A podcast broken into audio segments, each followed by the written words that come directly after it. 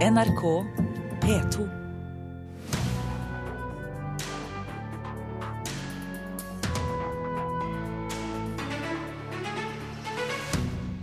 Høyblokken må ikke bli en lavblokk, advarer Riksantikvaren. Arkitektene vil sannsynligvis foreslå hus som er over dobbelt så høye som Høyblokken. Vi avslører hvilken av Melodi Grand Prix-låtene som er favoritter før finalen, målt i hvor ofte de blir spilt. Dette er en av dem. Tre, to, er alle mann. Ta med deg blandevann og drikk deg til Mekka. Og Museet for samtidskunst fyller 25 år. Det er aldri blitt et kraftsentrum, sier vår anmelder. Alt dette før vi samler Fredagspanelet her i Kulturnytt i Nyhetsmorgen i NRK. Både Riksantikvaren og Byantikvaren i Oslo advarer mot å bygge for høyt i det nye regjeringskvartalet. Om to uker skal seks arkitektkontorer legge frem forslag til hvordan regjeringskvartalet kan se ut. Som NRK fortalte denne uken, vil flere av arkitektene sannsynligvis foreslå bygninger på over 100 meters høyde, ved siden av den 48 meter høye Høyblokken. Jeg er nok skeptisk til veldig store høyder i dette området. Sier Janne Vilberg, som er byantikvar i Oslo. Hun står på Jungstorget med et bekymringsfullt blikk rettet mot den 48 meter symboltunge høyblokka.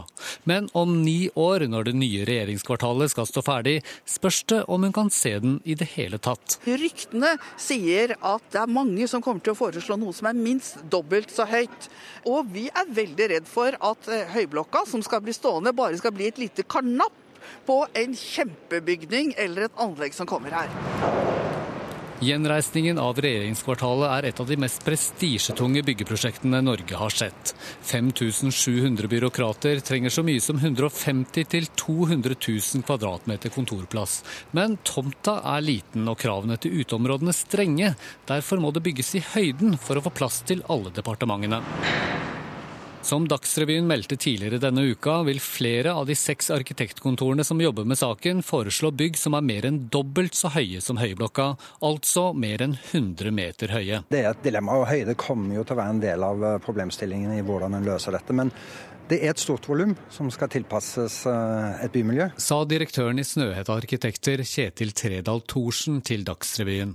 Lars Haukeland i LPO Arkitekter bekreftet at man lett kan ende opp med bygninger på høyde med Postgirobygget. Ja, man er jo fort det da. Riksantikvaren er ikke imot høyhus, men høyblokka må ikke bli en lavblokk. Sier avdelingsdirektør i kulturminneavdelingen Hanna Geiran hos Riksantikvaren. Men vi er jo opptatt av at Høyblokka skal bevare sin status som et ikon i byen og et ikon for landet. Og mm, som et eh, symbol for oss alle. Hva er det som kan true Høyblokkas status? Høyblokka kan trues hvis den eh, bygges inne og ikke blir synlig for oss. Den har en markant eh, plassering og posisjon i byen, og det ønsker vi at bygningen fremdeles skal ha. Sa byantikvaren i Oslo, Janne Villberg, og reporter var Petter Sommer. Agnes Moxnes, kulturkommentator i NRK. Forslagene kommer om to uker. Og nå hører vi både Riksantikvaren og Byantikvaren advare tydelig. Hvorfor nå? Altså Det som skjer akkurat nå, er jo at det produseres ideer eh, for å få denne gigantutbyggingen av eh, Oslo sentrum til å bli så bra som mulig for folk som bor i byen, utseendet av byen og de som skal bruke dette regjeringskvartalet. Men hvis det er da en ekte idéfase, som regjeringen sier det er, så skal innvendinger som kommer, de skal bli hørt nå. Så Derfor er det helt avgjørende viktig at Riksantikvaren og Byantikvaren er på ballen fra nå av. Har de antikvariske myndighetene noe de skulle ha sagt? Jeg tror ikke det er noe særlig tvil om at regjeringen her har gitt seg selv veldig stor eh, makt. Og det betyr at ganske så snart så kommer Riksantikvaren og andre som eh, har såkalt innsigelsesrett, til å miste den eh, retten. Så det ligger egentlig i kortene her at de som vil kjempe kjempe mot de utviklingsplanene som vi snart kommer til å se konturene av, de er rett og slett nødt til å få opinionen på sin side. Så de må raskt på banen. Men, kjempe, men, hvordan kan de kjempe mot dette? For det er så mange kvadratmeter som er bestemt og skal inn på så stor tomt. Nei, det er, jo, altså, det er jo valg i dette landet her. Både riksvalg og, og, kommunevalg. Sånn at hvis eh, innbyggerne ser at uh, dette er, ser ut til å gå en retning som de absolutt ikke vil akseptere, så kommer jo det til å vise seg i, i, f.eks. i valgene. Hvordan ser du for deg at debatten kommer til å bli? Eh, det kommer til å bli to hoveddebatter. Den ene, eller vi hørte egentlig begge to her, men særlig den fra Riksantikvaren og Byantikvaren, hvor de sier at eh, de fredete byggene, eh, Finansdepartementet og Høyblokka, ikke må ydmykes i møte med det nye regjeringskvartalet. Altså at det ikke blir en karnapp, eller at blir Høyblokka blir lavblokka. Men så er det jo det andre spørsmålet, da, om en åskam midt i Oslo sentrum tåler så høy bebyggelse. Og tradisjonelt så er jo Oslo-innbyggerne illsinte når det gjelder utvikling av, eh, av høyhus. Nå har jeg en følelse av at det har forandret seg litt i det siste, bl.a. med utbyggingen av såkalte barcode-byggene i Bjørvika. Altså de byggene, høye, slanke byggene som ligger mellom Oslo S og, og sjøen. Eh, de er tegnet av gode arkitekter og er blitt fine, og mange liker dem. Eh, men jeg tror ikke det er noe særlig tvil om at det kommer til å bli en høylytt debatt om svært høye hus. Takk. Agnes Moxnes, kulturkommentator.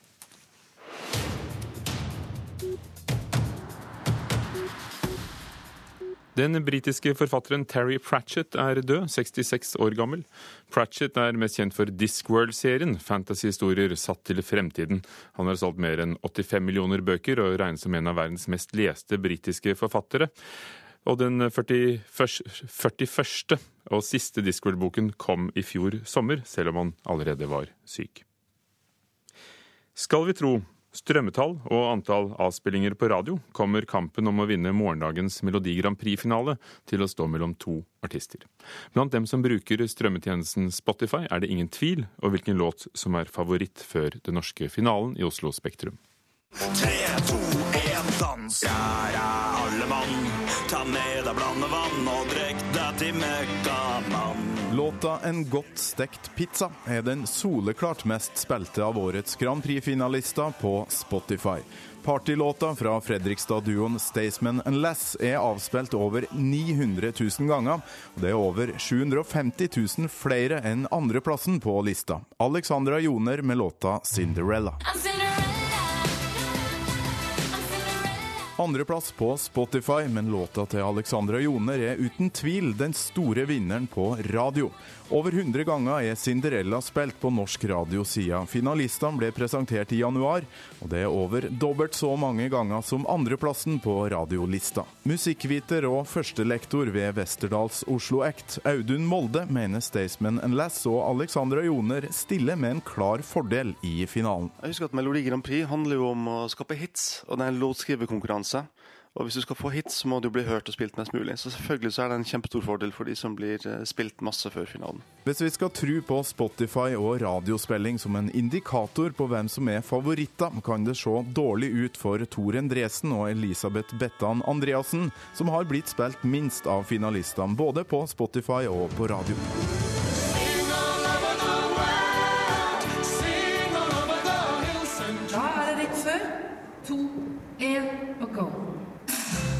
Mye av måten vi gjør ting på nå, handler om hvordan folk konsumerer musikk i år, versus hvordan de gjorde det på i, i 1980. Musikkansvarlig for Melodi Grand Prix, Vivi Stenberg, følger de siste prøvene i Oslo Spektrum før finalen, og tror ikke Alexandra Joner og Staysman Lass stiller med en stor fordel, sjøl om de har tjuvstarta på radio og Spotify. Tidligere har låtene vært hemmelig før TV-sendinga, men Stenberg tror artistene stiller rimelig likt også med dagens system med forhåndspublisering. Altså, det er jo en fordel for eh, den artisten i sin målgruppe, men eh, så har du andre artister som har en helt annen målgruppe. Og eh, det er jo stemminga der og da som har noe å gjøre.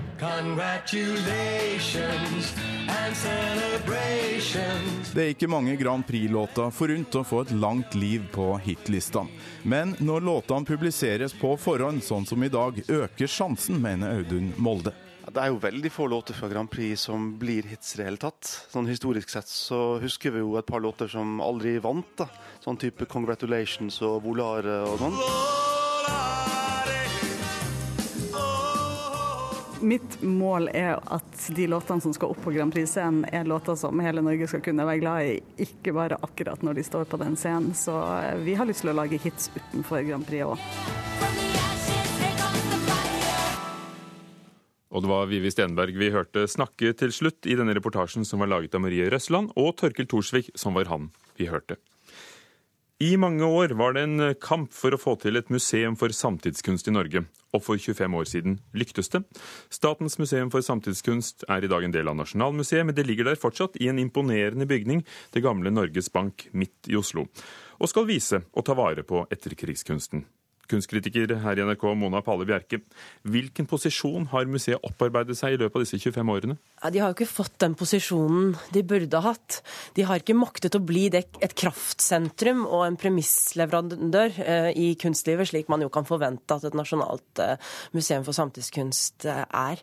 Er det Så, noe du vet, eller noe du ser også? Ja, det er vel noe jeg ser, og er, jeg tror jo kanskje at det vil være enighet Eh, om det. det jo, de har jo slitt med eh, svake besøkstall og også en ganske lav prestisje, noe som har ført til en, slik jeg opplever det, en lav selvtillit innad i institusjonen.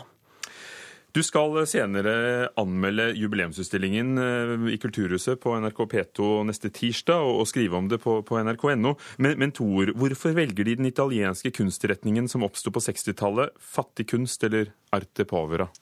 Altså, det er litt uklart for meg faktisk hvorfor de velger å feire jubileet sitt gjennom denne utstillingen.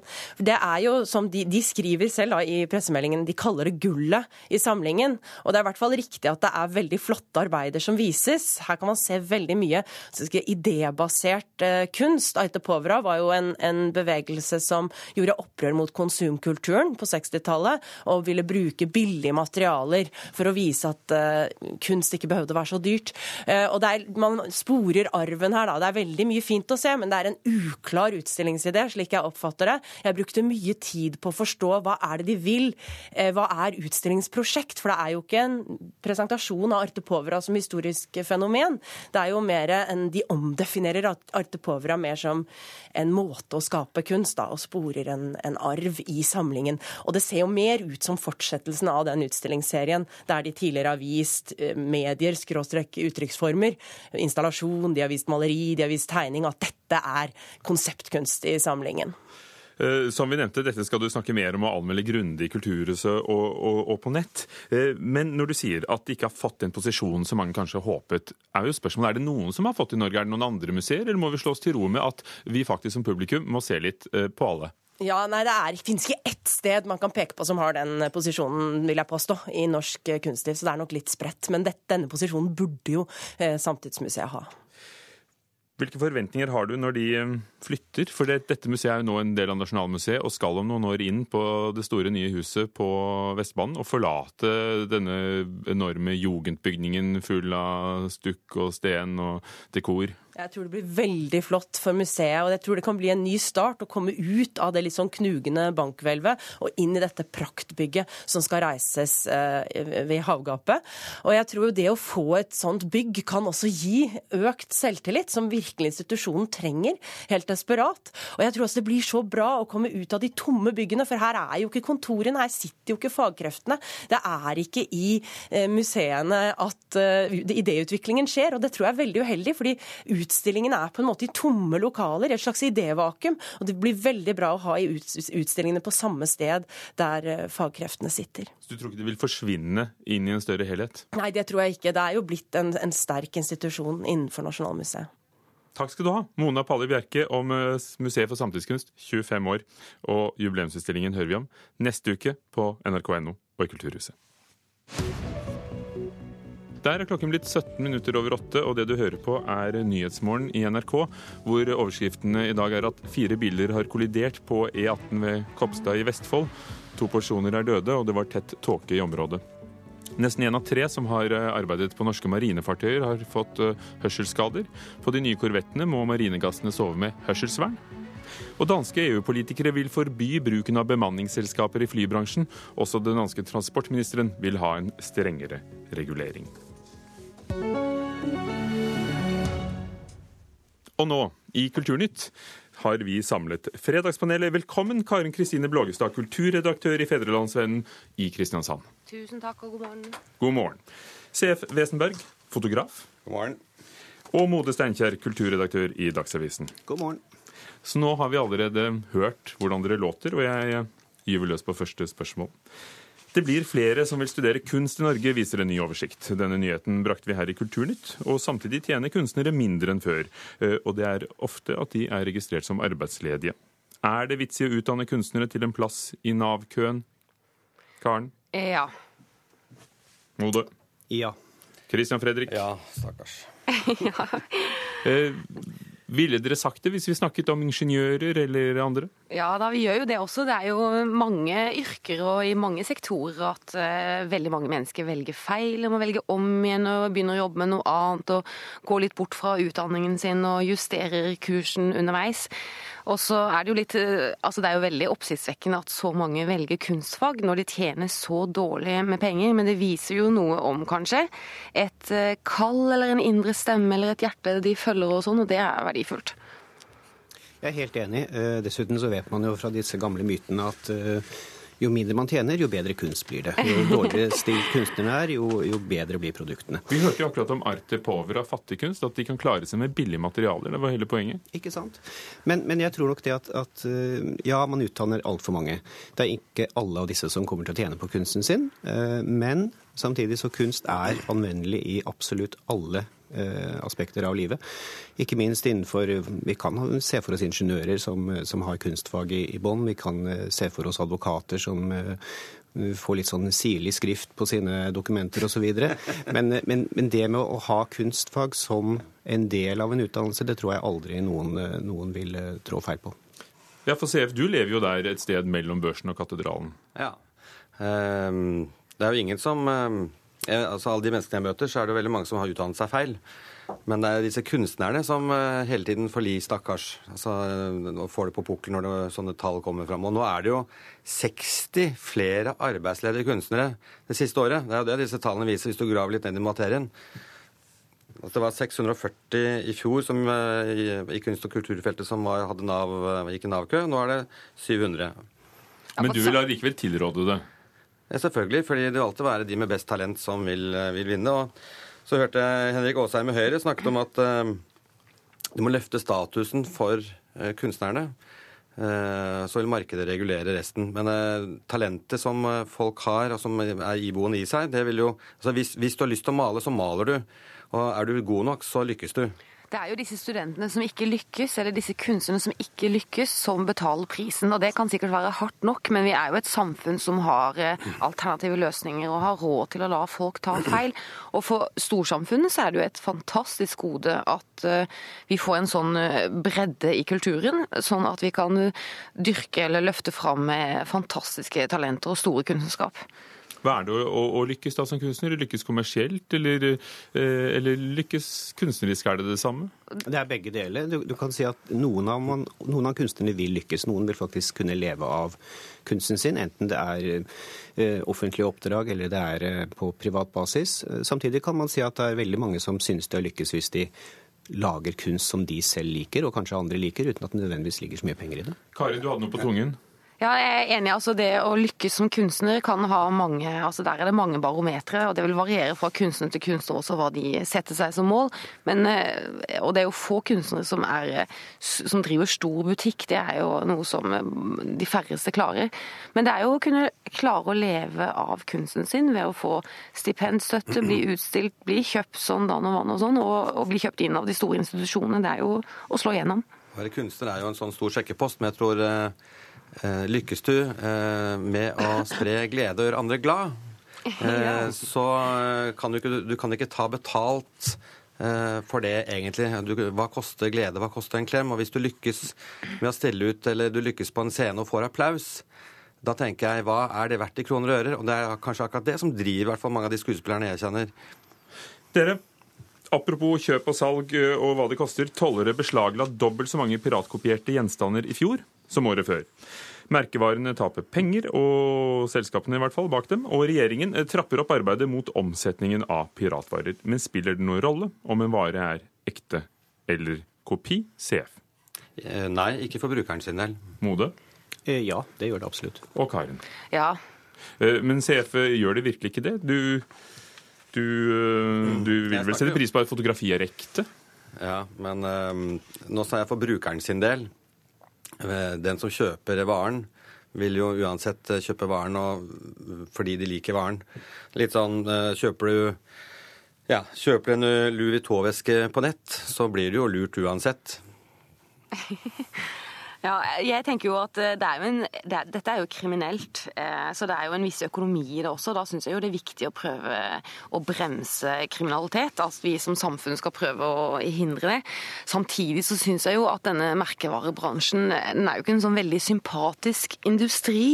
Sånn at vi skal bruke utrolig mye skattekroner på å hjelpe voldsomt rike internasjonale konsern på å beskytte altfor dyre vesker som de utnytter Ja, det dumme Oslo Vest-jenter med. Det eh, syns jeg er litt ja. Det lugger litt. Ja, altså det er jo én ting at, at uh, folk kjøper seg billig lykke og dårlig selvtillit ved å, å kjøpe falske, falske merkevarer, men, men det er jo et poeng dette her at uh, i andre enden så sitter det da en barnearbeider et eller annet sted og lager dette her, antagelig. Uh, Det er kriminell import. Det er, det er mange som taper annet enn penger på veien til at denne veska skal komme på en, en Westcon-skole i Oslo eller i Trondheim. Så, så jeg tror at det kanskje er det største problemet, at folk lurer seg selv på litt for mange måter når de da går til det skritt å kjøpe seg eh, falsk veske eller hva det måtte være. Men handler det bare om status? Det hender da at eh, det er så enkelt at kvalitet koster. Noen har eh, utviklet dette, eh, bruker ordentlige materialer og voksne, og voksne mennesker til å skru det sammen, eh, og, og andre drar nytte av det.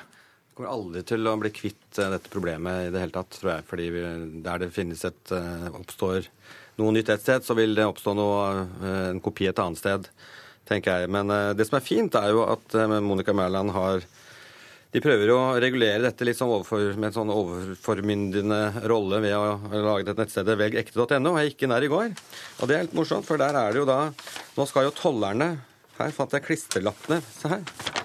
Ja. Disse klisterlappene skal nå tollerne sette på all post som kommer fra utlandet. Som er litt sånn uh... Kjøpt ekte vare? spørsmålsvei. Bilder av Ja. sko, vesker, eh, armbåndsur, solbriller. Ja. Så da betyr det at uh, da blir, du, blir vi mistenkeliggjort, eller blir vi opplyst? Men da får tollvesenet en en ny rolle nå, da. Kanskje man setter barnearbeidere som skal sette på disse klisterlappene?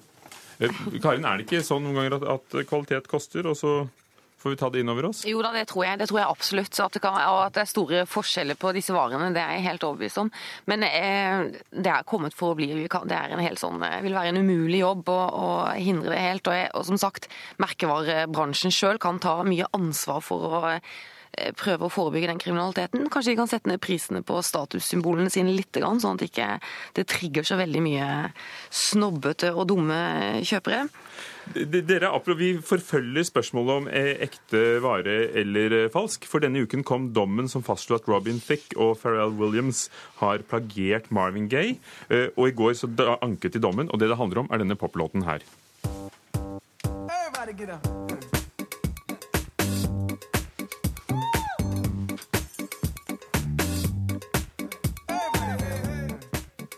Har de skrevet låten 'Blurred Lines' selv, eller kopiert soul-legende Marvin Gayes 'Got To Give It Up' fra 1977? Her kommer den.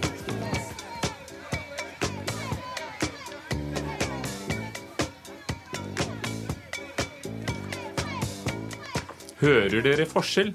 Bør de dømmes? Karen, Ja, de bør dømmes. De må dømmes, de må dømmes. må det Ja, de bør dømmes, men så er det jo da premissene for hvordan de skal dømmes på dette her. Sef, Nei. ikke dømmes. Nei, for jeg, Begge låter er jævla fete, og nå har de tjent enda mer penger på så mye som vi hørte på de låtene i går. Og for forbrukeren spiller ingen rolle, er det ikke det du sier? Jo, dessverre. Jeg snakker mot meg selv. Huff meg. Um, Karen, er, det, er det innlysende at de har tatt den? De sier selv at de har kommet på det selv. Nei, det er jo kliss likt, det hører jo alle. Det er litt mer groove og litt mer funk i den originallåta, men det er jo helt kliss likt. Umulig å høre forskjell. Nei, Det er ikke helt kliss likt. Jo, det er veldig likt. Nei, det Jo, er det er kliss likt. Det er et midtparti som er kliss likt. Ja. Men du som er fotograf, du må jo være opptatt av åndsverk og opphavsrett og sånne ting. Det Ja, er jo men helt de eh, har, de har sagt at de er blitt inspirert av Got to, uh, got to Give It Up. Så kan man jo også snakke om da hvem Gar Marvin Gaye var inspirert av da han tok både låta og teksten. Ja, ja, det er masse gråsoner her. Eh, han heter Robin Will eh, Robert, eh, Robert Williams, eller noe som i den dur. Ja, jeg husker ikke. Han er nå en fotnote som begynner å bli større og større i popverdenen siden, siden denne saken kom opp i, i går, eller i forgårs. Men po poenget er jo at eh, Altså, det er kliss like låter. De har lånt godt. Eh, Men så er det jo hva, hva skal man da trekke ut av at det kommer et sånt søksmål? Hvor mange artister innenfor hvilke mange sjangre er det da som bør dømmes fordi at man har lånt linjer, har lånt tekstlinjer, samplinger uten å oppgitt det? Eh, Det kan få store konsekvenser hvis de blir dømt for musikkmusikere som, som da låner innenfor sjangrene. Men, men dette er såpass, eh, såpass likt at, eh, at en skrape bør de få. Eh, Men er det 60 millioner dollar? Det er en annen sak.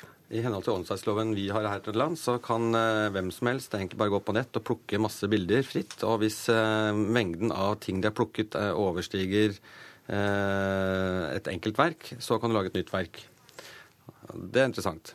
Men, men, men Karen, er det, er det Marvin Gaye de har plagiert, eller er det en tid og en ånd og en rytme? Nei, de har plagiert en låt. Det er veldig likt. Det er helt åpenbart veldig likt. Og så er det jo sånn at vi må jo ikke overdramatisere dette. Det er masse gråsoner, og man kan låne riff og sampling, som det ble sagt her også. Å være preget av en tidsånd også, men jeg syns det er utrolig viktig at en prøver å bremse Eller at noen prøver også å gi en vekker inn i denne bransjen en gang iblant, for å gjøre folk og komponister mer bevisst dette. Og musikkbransjen har vært i dyp krise, og er i krise. Inntektsstrømmene der går annerledes nå enn de gjorde for noen år siden, og det er utrolig viktig, helt sikkert for veldig mange komponister og musikere og rockestjerner, at en verner om kjerneproduktet i musikkindustrien, det er komposisjonene. Karin Kristine Blågestad, du sitter i Kristiansand. Jeg vet ikke om dere har klokke der, men vi må slutte. Ja, men du, Hvis en kunstner skal overleve, så må de i det minste få lov til å piratkopiere f.eks. Marvin Gaye. Takk skal dere ha, CF Wesenberg, Mode Steinkjer og Karin Kristine Blågestad. Det var Kulturnytt med Ugo Fermarello i studio. Gjermund Japeva produsent. Hør flere podkaster på nrk.no podkast.